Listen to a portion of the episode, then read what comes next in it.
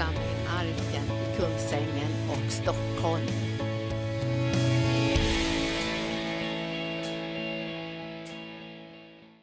Tack Jesus, tack Jesus. Tack lovsångare.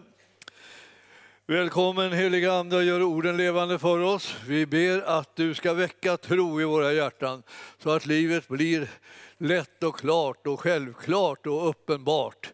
Vi behöver få tag i det som ligger på ditt hjärta och när vi väl gör det så är det ingenting som är svårt och ingenting som blir konstigt. Men eh, när vi missar det så blir hela trasslet så att säga, en produkt som kommer från våra egna liv och våra omständigheter. Och vi önskar att vår, vårt liv ska se ut så som du har tänkt det och som du vill. Och därför talar vi att du talar till oss klartext så att vi förstår vad det är som gäller för livet och hur Guds församling ska fungera. I Jesu namn. Amen. Ja, Eh, eh, vi har en eh, helg som heter Älska församlingen och älska, att älska församlingen. Det är jätteenkelt. Att älska församlingen, det är bara, det är bara att älska på det, det. Församlingen är ju det mest underbara, älskvärda, härliga som Herren har skapat i den här jorden. Och vi, vi är delar av den och vi har varandra i det här. Och nu ska vi ta och läsa från Efesierbrevet som är ett av de här stora församlingsbreven. Milde tid vad bra det är, detta brev alltså. Jag vill, jag vill att ni ska läsa det kors och tvärs och fram och tillbaka, upp och ner och åt alla håll och kanter. Ni, ni, ni behöver läsa det här så att det liksom bara, det bara som bara, det bara, ni bara tänker sådana här tankar om församlingen som står i Efesierbrevet. Och ni bara talar om det och, och, och, ni ser det framför er hur det blir verklighet och ni kallar på det som Herren har tänkt ut och, och ni drar i det och ni tror för det och, och ni, ni samverkar för att det ska bli så också förstås. Efesierbrevet det handlar om att vi bygger församling. Och vi bygger en församling som är efter Herrens tankar och efter Herrens mått. Och det här, nu ska jag ta och läsa en bit här från det tredje kapitlet i, i, i Efesierbrevet. Och det är underbart alltså. Jag satt i natt och, liksom och, och, läste det där igen och läste det igen och så tänkte jag det är, för, det, det, det är ofattbart alltså, att eh, det kan finnas sådana bra texter. Har ni, har ni märkt det? Alltså, eh, mitt liv börjar bli så att säga som att jag blir en sån här eh, eh, som är ute och letar skatter men hela tiden hittar dem. Alltså, den som söker den finner, det är, liksom, det, är, det är sanningen det. Och söker man skatterna i Guds ordet, då hittar man dem. Man hittar sådana där sanningar som man precis behöver få del utav. Och vi ska ta och läsa nu då. Och det, nu, nu, nu hände någonting med mig när jag läste det här. Alltså. Eh, för det här handlar om Paulus, han talar till den här församlingen i Efesus. Och, eh, och, eh, och plötsligt så kände jag liksom, ja men jag är precis som Paulus, tänkte jag. Ja, det, var lite, det låter lite högmodigt kanske, men, men jag menar... Eh, ja, alltså... Han, han, han, eh, han beskriver sig själv, ni ska få höra hur han beskriver sig själv. Jag kände igen mig liksom i det där. Jag tänkte säga, ja, så där är jag. Så där är det. Det här är liksom min, mina livsvillkor och mina livsförhållanden och det här är liksom det som jag har upplevt där i förhållande i kontakten med Gud. Ja, så läser vi från första, tredje kapitlet nu då. Nu, nu står det alltså om er pastor där. Jag blir bli, lite mer närgånget här nu då, förstår ni. Ja, eh, första, från första versen. Därför böjer jag, Paulus, mina knän, jag som är en Kristi Jesu fånge för er skull, ni hedningar. Ni har ju hört om det uppdrag som Gud i sin nåd gav mig med tanke på er hur jag genom en uppenbarelse lärde eh, känna hemligheten så som jag redan i korthet har skrivit. När vi läser detta när ni läser detta så kan ni förstå vilken insikt jag har i Kristi hemlighet. I tidigare släktled har den inte avslöjats för människor så som den nu genom Anden har uppenbarats, och uppenbarats för hans heliga apostlar och profeter. Den uppen, eh, det innebär alltså att hedningarna i Kristus Jesus och genom hans evangelium är våra medarvingar och tillhör samma kropp som vi och har del i samma löfte. Och detta evangelium har jag blivit satt att tjäna i kraft av den gåva och nåd som Gud har gett mig genom sin mäktiga kraft. Jag, den ringaste av alla heliga, har fått denna nåd att bland hedningarna predika evangeliet om Kristi outgrundliga rikedom och att upplysa alla om hur den hemlighet förvaltas som från evighet har varit dold i Gud, allting skapare. Så skulle Guds vishet i sin mångfald nu genom församlingen eh, göras, eh, göras känd för, att, för härskarna och väldigheterna i den himmelska världen. Och detta var det eviga beslut som han utförde i Kristus Jesus, vår Herre. Och i honom och genom honom och på honom kan vi frimodigt och med tillförsikt träda fram inför Gud.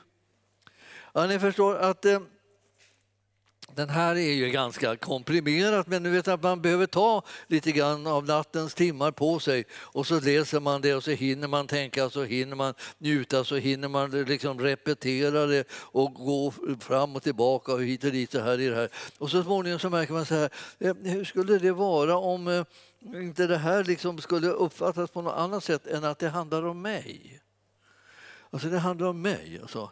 Eh, och, eh, vad är förutsättningen? Ja, Paulus han säger liksom att det, det, här är, det här är bara det att jag har råkat ut för nåden. Jag har fått någonting av Gud av ren nåd. Han har uppenbarat saker för mig och han har kallat mig. Och varför han gjorde det, det var av ren nåd. Och jag, jag, jag, började titta på det där liksom och tänka, ja visst, så där är det ju. Det är det som är villkoren för dig och mig när vi kommer i kontakt med Gud. Han kallar oss och han använder oss och han liksom utrustar oss och alltihopa är av ren nåd. Och man kan tänka därför så behöver ingen liksom fundera över att det som man har blivit kallad till, det som man har blivit utmanad till, det är inte någonting som man, så säga, som man ska sitta inne med som en förutsättning för att han ska komma med den där kallelsen. Utan det är någonting som han gör av ren nåd. Och så rustar han oss med det som vi behöver. Och då står det så här att det, att det, här, det här var ju något e- enastående. Alltså, mitt uppdrag från Gud har kommit av ren nåd. Och, eh, och eh, det har Gud gett mig ren nåd, med, särskilt med tanke på er. Och jag ska säga det är precis så det är. Så där säger Paulus om sig. Och, och så kan jag säga om mig. Alltså att det är precis på det sättet.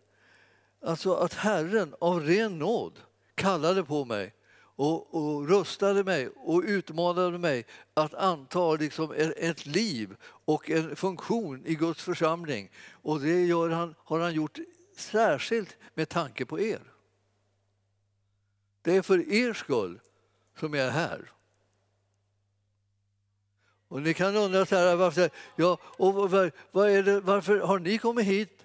Ja, det är, för, det är på grund av Herren. Han har kallat er för att ni ska vara med om det som är att bli betjänad utav den tjänst som jag har.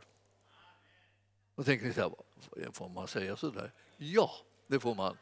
För en tjänare utan att ha någon att tjäna är inte mycket eh, bevänt med. Men en tjänare som har någon att tjäna, det är, är, det är en viktig person.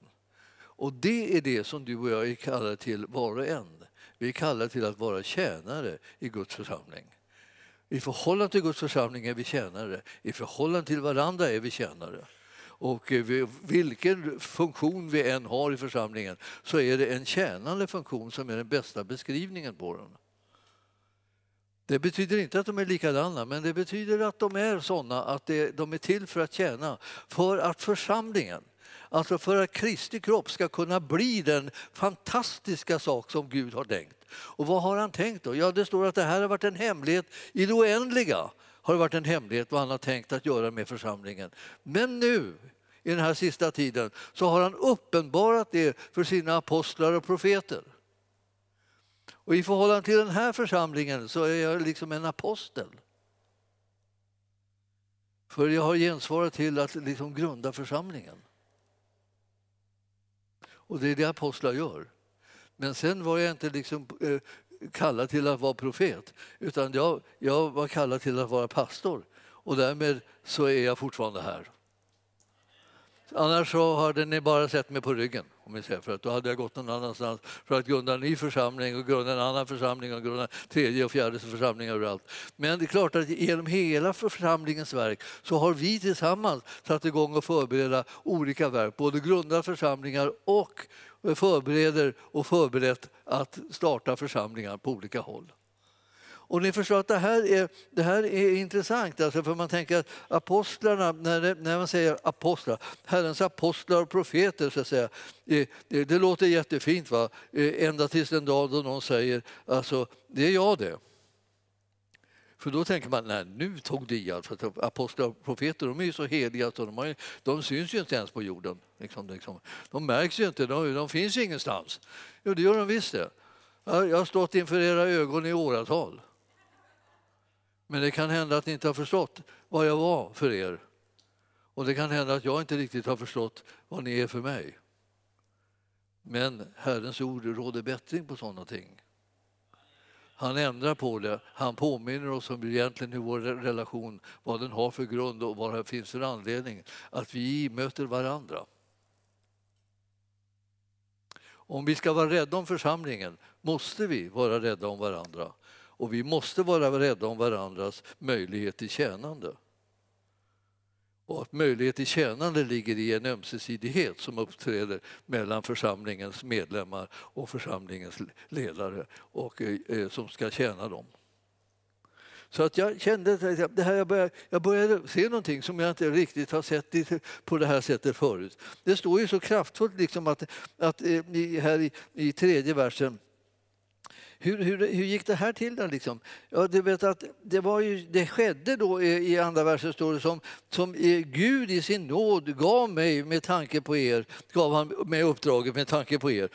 Hur, hur jag genom en uppenbarelse lärde känna hemligheten som, så, som jag eh, eh, redan i korthet har skrivit om. Vad var det för en hemlighet? Jo, att eh, ni är uppbyggda på apostlarna och profeternas grund där hörnstenen är Kristus Jesus, stod det i kapitlet innan.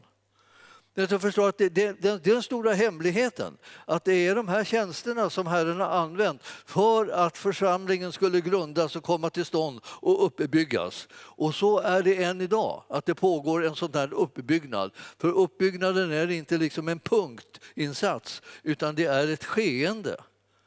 Och det här skeendet måste du och jag som är med i den församling som är här, eller du i den församling du tillhör, vara med i tillsammans i och liksom göra verkligt så att det blir synligt, så att det blir märkbart att det är det här verket som Herren håller på att utföra. Ja, jag, jag tänker så här, hemligheten, man tänker, har, har du avslöjat den hemligheten? Ja, det står att om du läser i fjärde versen där, när ni läser detta så, så kan ni förstå vilken insikt jag har i Kristi hemlighet. I tidigare släktled så har den inte avslöjats för människor så som den nu genom Anden har uppenbarats för hans heliga apostlar och profeter. Så det har hänt någonting på en lång, under en lång sista tid. Nämligen att det som har varit sanningen med Guds tankar om församlingen har uppenbarats för Herrens eh, apostlar och profeter så att församlingar har kunnat komma till som är enligt hans plan och hans vilja. De har inte bara kunnat bara komma till så där någon har velat någonting, någon har eh, tänkt att äh, jag vill göra något eget, äh, jag vill göra så och så. Ni förstår att det här är, är något, något sånt som man, som man får liksom vänta till Herren säger sitt. Och när han säger det så går man in i det och så är man med om det som ett äventyr utan like. Och man blir välsignad av att man får vara med och bygga Guds församling som ska byggas upp till, liksom till, till någonting så härligt fungerande för Herren så att evangelium ska kunna nå ut över hela världen. Alltså det är liksom inte, inga småsaker som man dras in i. Och varför skulle man dras in i småsaker när, när det är Herren som har lagt sin hand vid det? Det är han som har kallat på oss. Det är han som har dragit oss samman. Det är han som har skapat en enhet av det till synes omöjliga. Liksom så många människor med så mycket åsikter och, och, och tankar och, och bedömningar och, och sådär eh, om allt mellan himmel och jord. Vi har plötsligt dragit samman för att kunna utgöra Kristi kropp. Och han har en sån ofantlig tro på att vi ska kunna bli kroppen.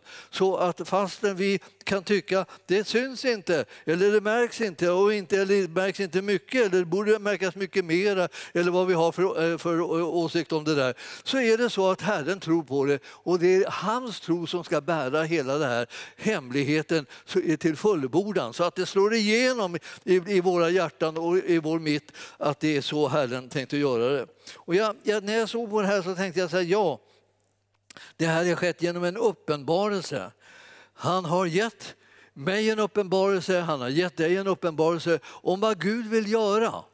Han har gett oss en vision och en målsättning om vad vi ska göra tillsammans för att förverkliga det som är Herrens plan. Och därför har han talat om det här med Hesekiel 34 och 4 och, 16. Han har talat om vilket mål har vi inte, vilken uppdrag gäller det inte, vart ska vi ta vägen, vad ska vi göra? Ja, det ska bli uppenbarat för oss vad vi ska göra och sen ska, när vi ser det så ska vi se det tillsammans och så ska vi sätta oss i rörelse och förverkliga det. Då handlar det inte liksom om dig och vad tycker du, vad tycker jag och så här. Då handlar det om vad Herren har sagt och det här har han sagt till oss. Och eh, eh, vi vakar över att det som Herren har sagt kommer att bli verklighet i, genom församlingen och ingenting annat. Alltså. Och det här är liksom någonting som jag inte önskar att vaka om själv, över själv, utan jag önskar att vaka över det här tillsammans med er allihopa på alla olika platser där ni finns i församlingen. Var med och vaka över att det är visionen som vi håller på att förverkliga och ingenting annat.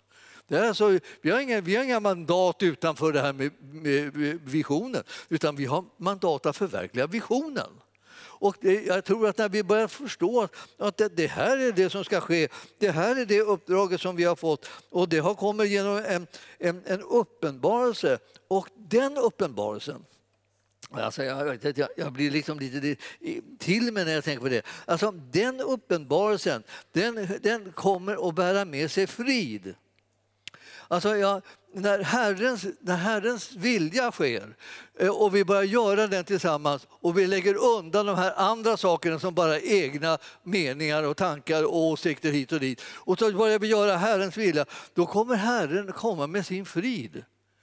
Det är, alltså, han har ju redan planerat det, han har redan börjat säga sådana där saker. Alltså, min frid ger jag er, ja, säger han.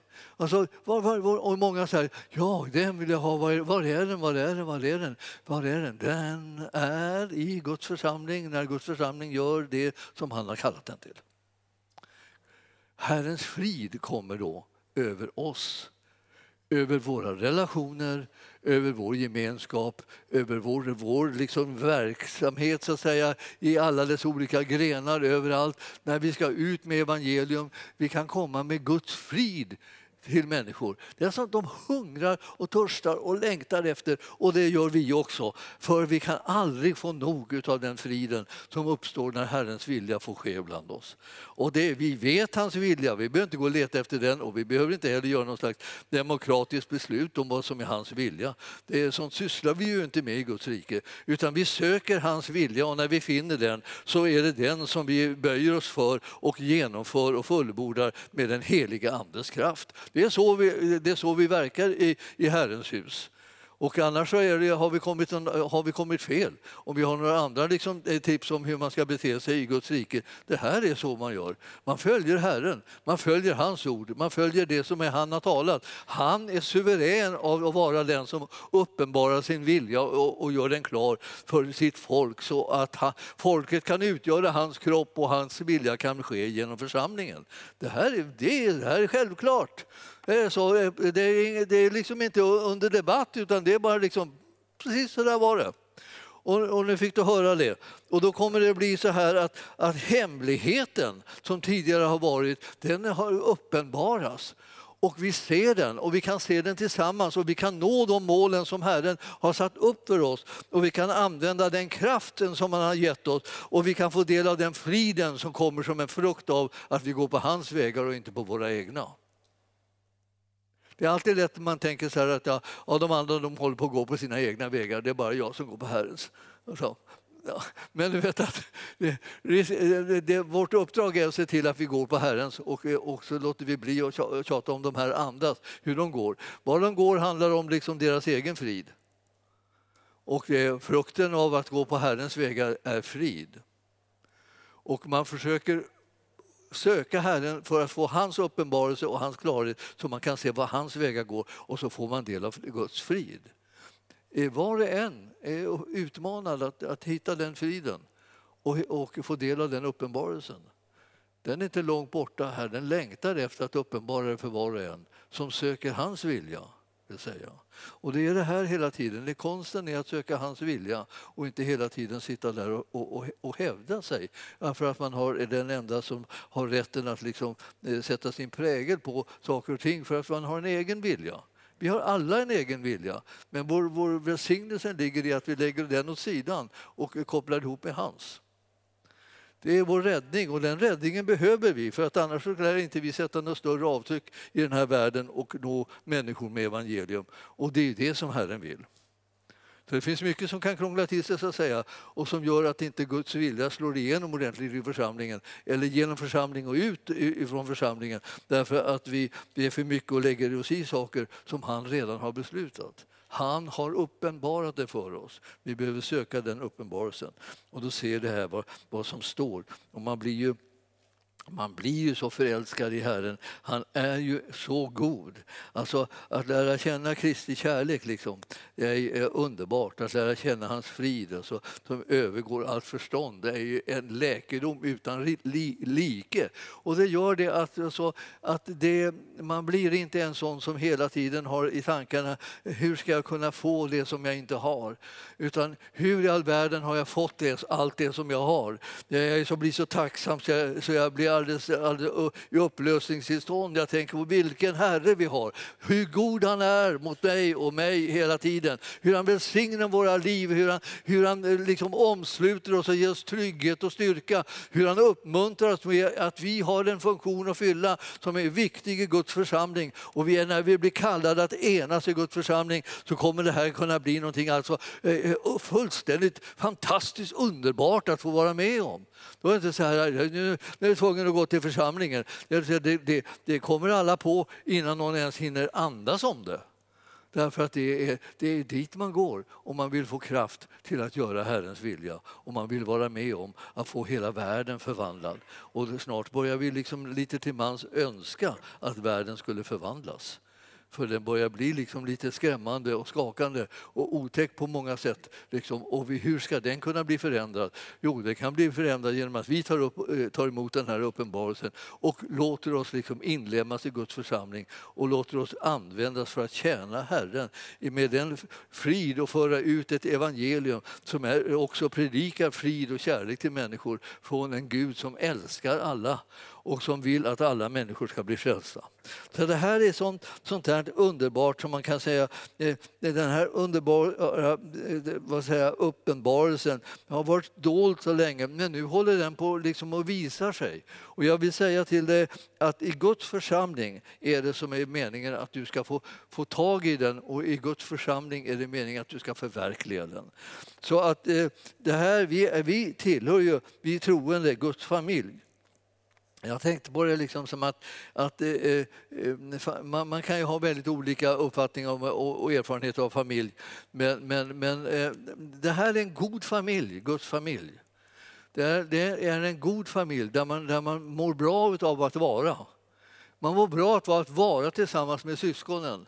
Man mår bra att vara alla, med, alla mödrar och fäder och, så som är där, alla barnen som är där. Man mår bra av det därför att Herrens frid regerar i Guds familj och Herrens kärlek är utgjuten över var och en. Så att liksom striden liksom får aldrig riktigt någon näring. Och det är det som är så härligt att tänka, tänka på vad Herren har planerat. Alltså I det här kapitlet så står det om sådana saker som Herren har tänkt att planera. Och, och, och det, det är ju liksom liksom inga, inga småsaker det, vi ska genom honom, genom Jesus, alltså, som eh, det stod här i i slutet av andra kapitlet, genom honom så ska vi fogas, fogas samman till en byggnad allesammans och den ska växa upp till ett heligt tempel i Herren. Och i honom ska också vi eh, bli uppbyggda så till en Guds boning genom anden. Allihopa, vi ska bli uppbyggda genom anden till en Guds boning. Och du vet att då måste man ju ställa sig och anmäla sig. Liksom. Det går inte liksom an att man, man står och reserverar och tittar på. Och så där. Det känns nästan så där som när man möter någon som man inte har sett på jättelänge och då, och så där, och då säger de vad gör ni där borta i församlingen? Och då är det en församlingsmedlem. Alltså jag tycker liksom det är värsta, värsta uttryck som jag vet från en församlingsmedlem. Vad gör ni där borta? Vilka ni? Jag, vilka, jag, får, alltid, jag får alltid lust att liksom säga vilka ni? Liksom, det, det är vi, det heter det. Eh, vad var är du någonstans? När vi ska göra saker och samman så, så plötsligt så är inte du där. Vad är det för någonting då? då? Det är så vill jag, vill jag fråga, Eh, men det gör jag ju inte då, för jag är väluppfostrad. Ja, men då gör jag bort mig istället och talar om bara liksom hur, hur det känns i mitt hjärta när jag hör sådana där saker. Men ni tänker så här, ja, han är lika okänslig som han ser ut. Ja, det är jag inte, utan jag märker både det ena och det andra. Och jag vill att vi ska kunna känna glädje av att komma samman och få göra Herrens vilja. Jag tror att min uppgift är att hjälpa dig att göra Herrens vilja. Och jag behöver att du inom när, eh, hörhåll och inom rör, rörhåll så att säga, så att jag når dig alltså, helt enkelt, för att det här ska kunna ske. Det går inte liksom att, att, att förvänta sig att jag ska hjälpa dig med det här om, om, om du inte är, inte är i närheten. Utan du måste vara i närheten. Och det är därför som vi kallar kom till mötet. Kom till gudstjänsten. Kom till träffarna. Kom, kom, kom, kom. Och när du börjar komma mer och mer så småningom så får vi liksom kontakt med varandra och så kan vi börja göra gott mot varandra. Och det är det som är, våra gåvor kan komma till bruk till varandra och vi kan bygga upp och stärka varandra på det sättet som Herren hade tänkt det. Så det, det här, ja, det, och det här säger han här. Alltså. Det, nu ser det står här i Efesierbrevet som tänker, vad är det här för ny lära? Det är ingen ny lära, det är den gamla. Den nya läraren var den där som gör, som gör liksom att vi allihopa går omkring eh, på våra egna vägar och vill göra vad vi själva har lust med. Det, det, det, det är, en, det är den, den felaktiga läran. Det. Men, men den läran liksom kommer bort när vi liksom får blir försonade med Gud och varandra och så får vi förlåtelse och så får vi enhet och så får vi frid eh, och, och, och Herrens vilja ska kunna, kunna ske eh, genom en stark och enad församling som absolut vill tjäna sin Herre och följa honom. Och det är vad vi vill. Och vi behöver göra det liksom med hela hjärtat. Jag känner ibland så här, tänker, ibland så är det som man... Jag, jag, jag, jag såg ju den här eh, lilla rapporten eh, kring hur, hur, tiden som var, var tidigare, hur det var och, och så. Och eh, när vi var en liten grupp så var vi väldigt eniga. Men, så, var vi, eh, men även när vi var en stor grupp i församlingen så eh, har vi varit väldigt eniga också. Väldigt sammansvetsade på olika sätt. Vi har haft utmaningar men vi har övervunnit dem på mirakulösa sätt tillsammans med Herren. Därför att vi har satt tro till honom. Vi har gått igenom eld och vatten kan man säga. Men det är liksom inte någonting så att det, det, var, det var värt att göra det då. Och, och, och det skulle inte vara värt att göra det nu då. Jo, det är det visst. Det är precis lika mycket värt för hans, eh, hans vilja och hans kallelse har han inte ändrat. Han har inte tagit tillbaka den, han kallar fortfarande på Han har fortfarande liksom samma kallelse på dig som du fick när du fick den i början. Och du ska inte tro att den bara försvunnit bara därför att du inte haft lust med den. Eller efter att du inte haft tid med den. Eller någonting sånt där. För att det är samma kallelse som pågår fortfarande till dig. När du vill överlåta det till den och överlåta det till oss andra och vi till dig så kommer det här bli uppenbart för var och en att det är vad som är Herrens vilja och att det är den här vägen som han vill gå på. Eh, som troende så tillhör vi Guds familj och jag, jag vet ju liksom att när, man, när familjemedlemmar inte träffas någon nämnvärt så, så, så, känner de sig inte riktigt som familjemedlemmar. Eh, och det eh, vet, det vet ju var och en att det, det är lätt hänt alltså. Man glider liksom ifrån varandra. Man tänker att det, liksom det, det är lättare att få glida ifrån varandra än att, än att, få, liksom, att få tala med varandra och se hur, hur det är. Men, men det, det, det här är sånt där som är, är konstigt och, liksom, och lite ynkligt hos oss att vi gör det där. Vi, vi behöver bli tillsammans uppbyggda till ett tempel i Herren, ett heligt tempel som där vi liksom verkligen växer och där vi verkligen mognar och där, där det verkligen blir ett stabilt bygge. Jag tänker på att vi ska liksom börja tänka lite grann på hur, hur, är, hur är det med Upplandsbro kommun? Tänkte jag. Alltså, hur, hur mår vi i Upplandsbro kommun, vi som bor här?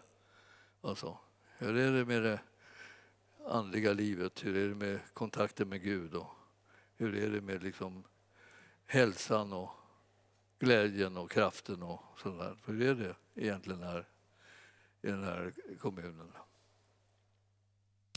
Ja, här har det varit allt möjligt som har eh, hänt upp och hit och dit och upp och ner. Men det förstår, det finns en som kan hjälpa och det är han, hans namn är Jesus. Och vi känner hans namn och vi är kallade att göra hans namn känt bland de människor som vi bor bland. För vem ska annars göra det? Ska vi importera någon från något annat land eller ska vi, liksom, ska vi be att någon, någon from grupp kommer över liksom och, och berättar om Jesus? Precis som om vi inte kände honom. Eller ska vi se till att vi, att vi talar om Jesus så mycket så att man tror att man är fullkomligt omringad av Jesus människor? Jag tyckte det var så intressant när vi kunde vara så få i början där och sedan att kommunen tyckte att vi var överallt. Jag skulle vilja ha tillbaka den tiden då vi uppfattas som att vi är överallt och pratar om Jesus.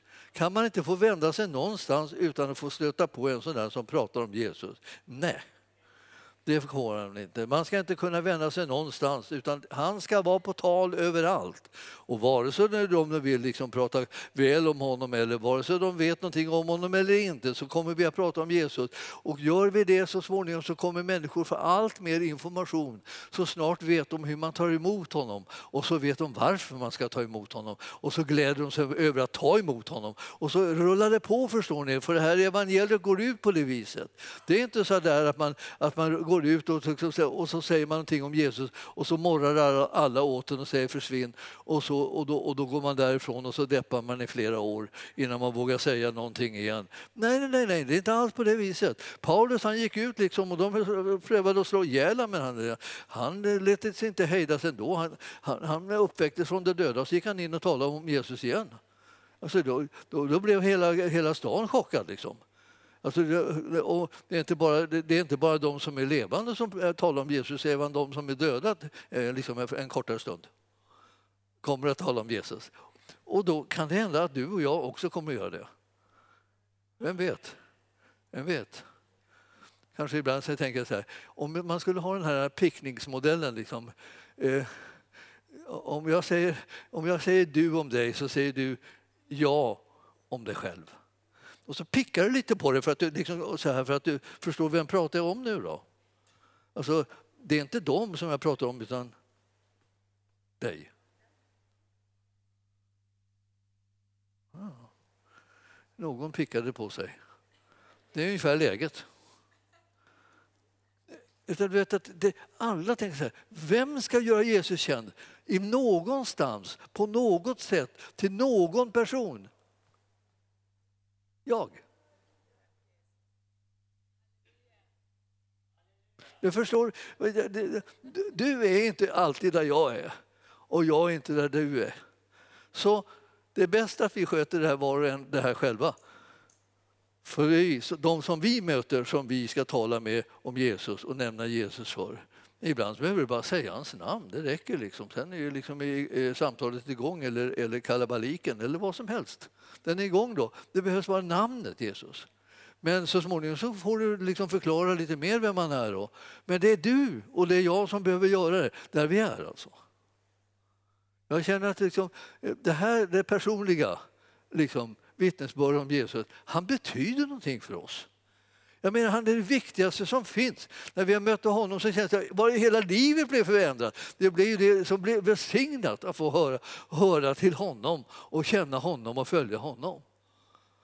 Och, och, och, och, har du haft det lite upp och ner så här och ibland så har du varit, liksom, tycker du varit liksom frimodig och sen var det ingenting och så ingenting och så var det frimodig igen och så och har du hållit på så här fram och tillbaka. Så kan jag säga eh, gott, att det är så att du mår bäst av att vara frimodig. Och i långa loppet liksom, leder det till frid och glädje i den heliga Ande. Vittna om Jesus och känna vid honom är den största gåvan som vi har. När vi har gjort det så kan man, när man kan känna, man går hem och har gjort det här och man har haft ett sånt här möte och man pratar med någon om Jesus som man märkte inte kände honom eller inte kände honom nämnvärt. Så känner man sig så uppåt liksom och tänker vad, vad, vad härligt det var. Och det kan hända att den där personen totalt avvisade det som man sa. Men det kändes härligt för en själv. Man tänkte halleluja, jag sa det, jag gjorde det, jag talade om Jesus, tänk att jag är frälst ändå. Alltså. Alltså, även om den inte nu tog du emot det, det kommer andra tider. Alltså, och, och då när nästa gång man säger, eh, ser dem så kan man säga, här kommer jag igen. Det man. Och då blir det aktualiserat det där som du pratade om allra sist du såg, du såg den här personen. Och sen kan du utveckla det vidare. Det finns många sätt att få de här grejerna att komma igång. Alltså. Eh, och vi ska bli skickliga på det. För vi ska bli en församling som ger liv ut till människorna. Och vi ska göra, följa vår Herre för det är hans exempel. Och vi ska, vi ska bli som Paulus. Alltså. Halleluja. Men man ska vara trogen sin kallelse och sitt uppdrag. Och, och, man ska ta vara på den hemligheten som Herren, Herren har liksom uppenbarat för en. Och så tänka, jag vet ju någonting. Jag vet ju någonting om Jesus Kristus. Jag vet ju hur man får frid med Gud. Va? Tänk vilken skatt du går och bär på. Ge den till någon så får du märka hur allting förändrar sig. Himmelske Fader, jag ber att du med din härlighet och din närvaro välsignar oss och hjälper oss och verkligen stöttar oss i att ta steg som, det, som är uttryck för den tro som vi har på den uppenbarelse du har gett till oss. Hur, den här, hur det här ordet som är vår vision och kallelse ska kunna förverkligas. Hur Jesus ska kunna bli känd genom det som vi säger och det som vi gör. Vi vill att det ska ske, Herre. Vi vill att det ska bli så häpnadsväckande liksom rykt, gott rykte som går ut om Jesus i hela kommunen och överallt där vi bor för övrigt utanför kommunen också på olika ställen, Herre. Låt det liksom sprida sig och låt det bli en glädje och en tacksamhet därför att du, Herre, är vår frälsare och du vill att hela världen ska bli frälst. Och när vi har dig på vår sida så är ingen uppgift omöjlig. I Jesu namn och församlingen sa Halleluja. Tack Jesus. Tack för att du har lyssnat. Vill du få del av mer information om församlingen Arken, vår helande tjänst, bibelskola och övriga arbete, gå in på www.arken.org.